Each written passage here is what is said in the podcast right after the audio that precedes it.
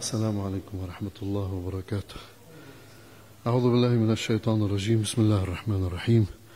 الحمد لله رب العالمين صلى الله وسلم على سيد الأنبياء والمرسلين وعلى آله الطيبين الطاهرين اللهم صل عليه درس السيرة النبوية الشريفة أواخر أحداث يعني سنة الثامنة للهجرة وحيث أن النبي صلى الله عليه وآله انتهى من معركة حنين التي تحدثنا عنها وأسر من أسر وقالوا بأنه أسر من كان معهم من النساء والأولاد وكذا الأموال والبعران واحتجزهم في وادي جعران ثم انطلق يلاحق فلولهم صلى الله عليه وآله إلى الطائف وتركوا هناك من يحرس الغنائم ساروا إلى الطائف طبعا هذه الطائف لها ذكريات عند رسول الله صلى الله عليه وآله لما يئس النبي في بداية دعوته من قريش ذهب إلى الطائف يدعوهم إلى الدين إلى الإسلام لكنهم آذوه ورفضوا واستهزأوا به ورموه بالحجارة حتى جلس إلى حائط أو عريش ودعا الله سبحانه وتعالى اللهم أنت رب المستضعفين ربي ورب آبائي الأول إلى من تكلني إلى عدو يتجهمني أم إلى قريب ملكته أمري إلى أن يقول إن لم يكن بك غضب علي فلا أبالي تحمل الأذى في ذات الله تلك المدينة كانت مدينة يعني ذات أموال أصحابها أثرياء ومحصنة لها سور أقفلوا سورهم و حاصرهم النبي صلى الله عليه وآله فترة من الزمن وهؤلاء لم يكترثوا يعني بقوا محصنين ولم ينزلوا على على الإسلام بعض الروايات تقول بأن النبي بدأ بقص وقطع أشجارهم وبساتينهم المثمرة كانت لهم خيرات من بساتين نخل وغيره بدا أمر بقطعها فأرسلوا له لا تقطعها ولكن كل ثمارها وهذه الرواية طبعا كذب في التاريخ أنا عم بحكي مختصرة ها؟ لأنه النبي صلى الله عليه وآله في كل غزواته كان يأمر بأن لا يقطعوا شجرة وبأن لا يغرقوا أرضا بالماء وأن لا يمنعوا أحدا الماء وأن لا يلحقوا بفار وأن لا يؤذوا امرأة أو طفل و هي وصايا وحاشاه أن يخالف بفش خلقه يعني بالأشجار مع الأسف التاريخ دائما نكرر مشوه تاريخ مزور تاريخ دون وأخذ أخذ المسلمات عند كبار العلماء طيب لا أقام المسلمون أياما ينتظرون مواجهة ثقيف بعضهم قال بأنه سلمان الفارسي أو المحمدي أشار إلى استعمال المنجنيق وقد استعملوه ولم يكن معروفا عند العرب ما أدري كمان الرواية مش رح ناقشها لا يعني وبقي النبي صلى الله عليه وآله 15 يوم محاصرهم إلى أن دخل ذي القعدة وشهر ذي القعدة هو من الأشهر المحرمة أشهر الحرم التي يحرم فيها القتال فعاد النبي صلى الله عليه وآله وتركهم على أن يعود بعد انقضاء أشهر الحرم تركهم النبي صلى الله عليه وآله وعاد إلى زعران المنطقة التي احتجزوا فيها الأسرى والكذا وهناك آه، كانوا قد تشاوروا فيما بينهم أنه لا نفع يعني هوازان التي مع القبائل الأخرى التي حاربت في حنين فتشاوروا فيما بينهم انه ما رح نقدر نعمل شيء مع رسول الله صلى الله عليه وسلم فخلينا نسلم وناخذ اموالنا نطلبها يعني من رسول الله صلى الله عليه واله وبالفعل لما اجى النبي صلى الله عليه واله اعلنوا توبتهم ودخولهم في الاسلام فرد عليهم النبي كما تقول الروايات أزواجهم وأولادهم و يعني هن بحسب المكتوب في التاريخ أنهم أسلموا لحتى يرجعوا نسوانهم وأولادهم بس مش أكثر ولا أقل وطبعا كما قلت دائما هذا كذب أنا لا أعتقد أبدا بأن النبي سبى أحدا وكل الروايات السبي هي ملفقة ومزورة ومبالغ فيها لأن هذا خلاف القرآن الكريم برأيي خلاف إنا كرمنا بني آدم خلاف إنا أرسلناك رحمة للعالمين خلاف إنك لعلى خلق عظيم خلاف الإنسانية خلاف العدالة خلاف المنطق خلاف العقل أن تستعبد إنسانا هذا كله خلاف الإسلام بنظري ممكن أن يؤخذ الرجال النبي وقت اللي أخذ أسرى في بعض معاركه من الرجال أخذهم وعلمهم الدين وبعدين شو بتفدوا أنفسكم فدوا أنفسهم واللي أسلم تركوا واللي ما أسلم فدى نفسه راح أما أنه يتخذهم عبيد كل الحالات النبي وقف إن إخوانكم هؤلاء قد جاءوا تائبين ويرغبون أن تردوا عليهم سبيهم وألا وإن من كان لي ولبني عبد المطلب لحصتي فأنا فهو لهم رديت عليهم ولكن قال علمهم بعد الصلاة شو بتعملوا بتقولوا استشفعنا بالمسلمين إلى رسول الله واستشفعنا برسول الله حتى يردوا عليكم الباقي من النساء من حصصهم يعني اساسا النبي بعد ما قسم الغنائم حتى تيجي تقول انه ردوا وما ردوا على كل حال في كمان حادثه مستغربه جدا انه لما انتهى النبي من هوازان رد عليهم نساءهم واموالهم هذا باخلاقه صلى الله عليه واله رد عليهم نساءهم نعم ركب آه، آه، وأراد أن يسير بالناس باتجاه مكة فالتف المسلمون له وقالوا له تعال قسم علينا الفيء هلأ لأننا نخاف أن يأتيك رجل يقول لك أنا تائب إلى الإسلام تقوم ترجع تعطيه احنا بدنا مصرياتنا بعبارة أخرى هذا الفيء كانت الغنائم تؤخذ للجيش لأنه الجيش هو كان يجهز نفسه بالسلاح وغيره في في صدر الإسلام لذلك كان بعد انتهاء المعركة تقسم عليهم الغنائم جماعة من أصحابه قالوا تعال قسم علينا سبيجيكوا هدول العرب من هون ومن هون فما بيطلع لنا شيء وصاروا يدفشوا النبي بطريقة حسب ما بيقول التاريخ مش أنا اللي عم بحكي ها حتى ألجأوه إلى شجرة هناك واختطف عنه رداؤه قد ما دفشوا فيه أخذوا رداءه عنه لرسول الله صلى الله عليه وسلم فقال ردوا علي ردائي أيها الناس فوالله لو كان لكم بعدد شجر تهامة نعما لقسمته عليكم نعما النعم كانت تقال للخيل وللأبقار آه، وللأغنام وللإبل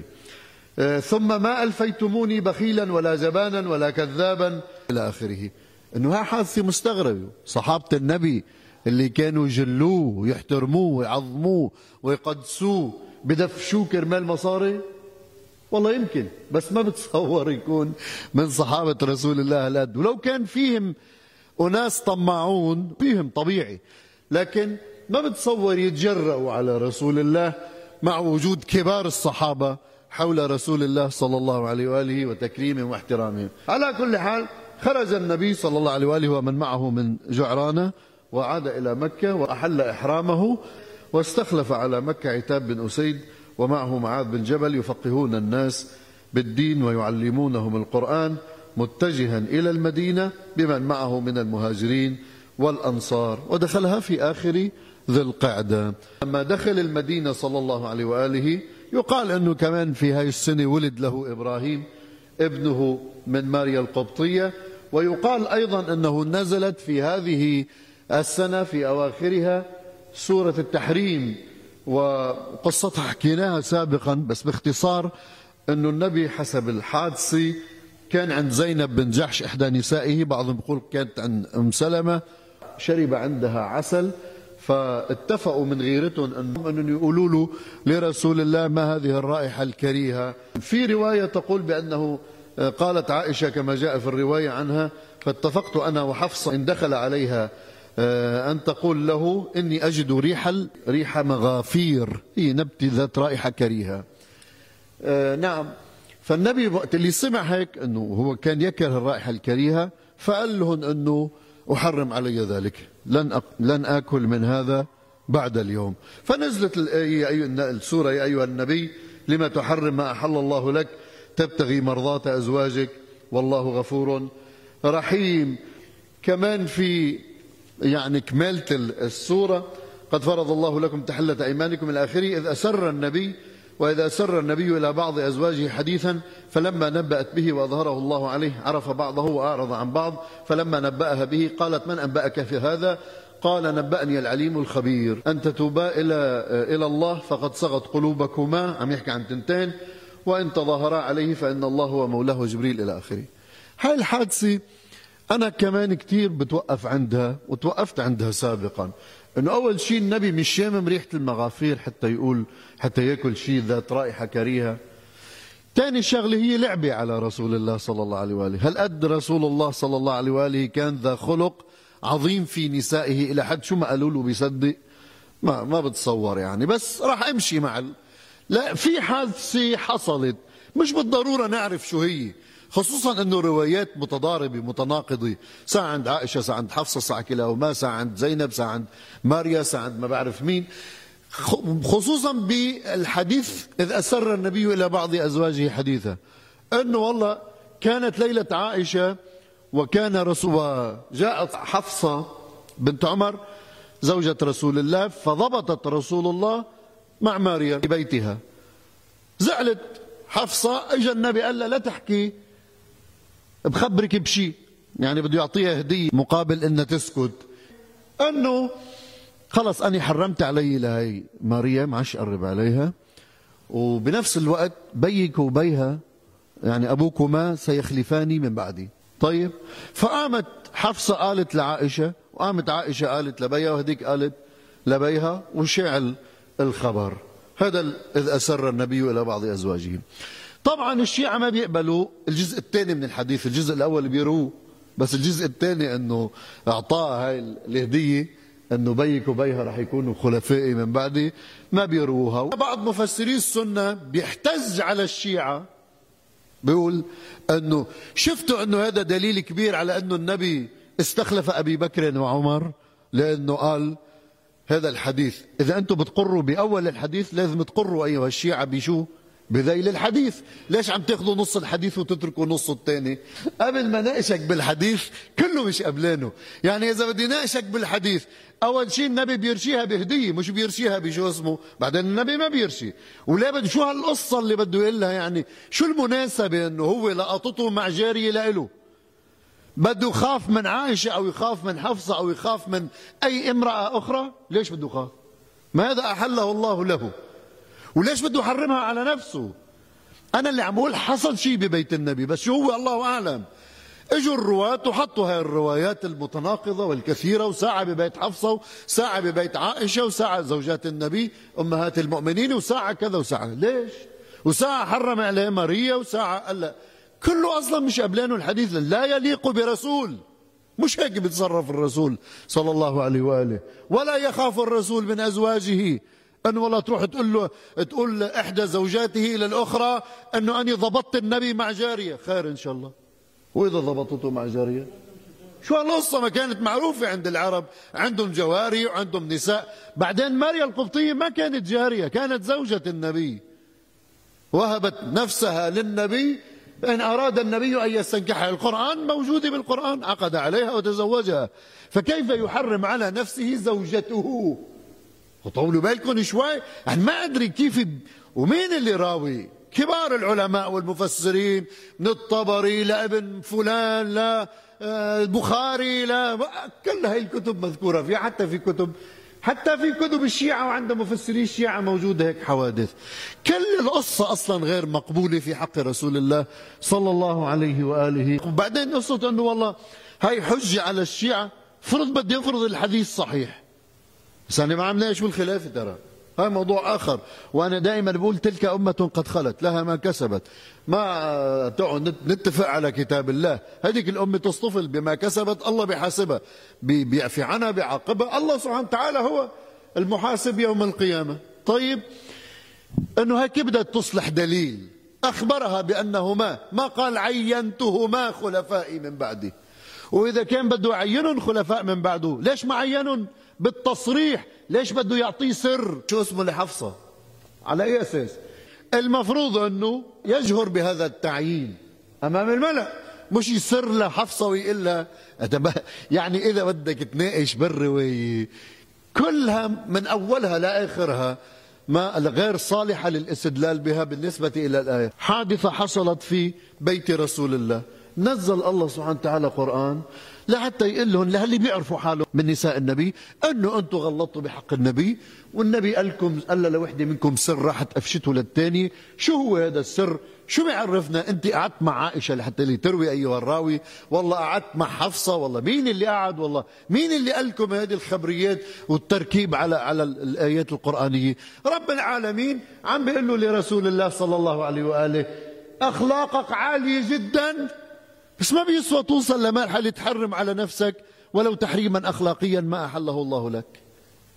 رضا حتى ترضي أزواجك مو لهالدرجة على كل حال لن أطيل في هذا الموضوع دخلت السنة التاسعة للهجرة وبدأت وفود العرب من كل حدب وصوب لأن النبي صار عنده انتصارين ضخمين عظيمين في هذه السنة فتح مكي وحربه مع هوازان معركة حنين هذين الانتصارين العظيمين الكبيرين جدا جعل صيت المسلمين ينتشر في الجزيرة العربية فصارت تجي كل القبائل الصغيرة تعلن إسلامها عند رسول الله صلى الله عليه وآله وسلم وهذا معنى أن فتحنا لك فتحا مبينا اللي شكك فيه عمر آه، الخليفة الثاني يوم صلح الحديبية ما شككت برسول الله يعني بخبره أنه سيفتح الله له مكة وسيحج مكة كشكي في يومي هذا هذا ذكرناه سابقا هذا اللي بعدين قال له النبي بعد فتح مكة قال له شفت هذا هو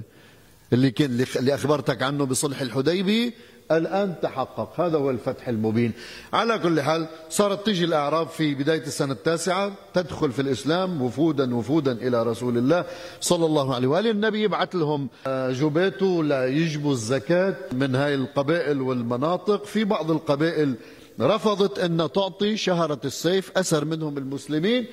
رجعوا بعثوا وفد لحتى ليصالح مع النبي صلى الله عليه واله وصلوا لعند النبي صاروا يقولوا له يا محمد اخرج الينا من وراء الحجرات ها الله نزل فيهم قران هذول جماعه ما بيفهموا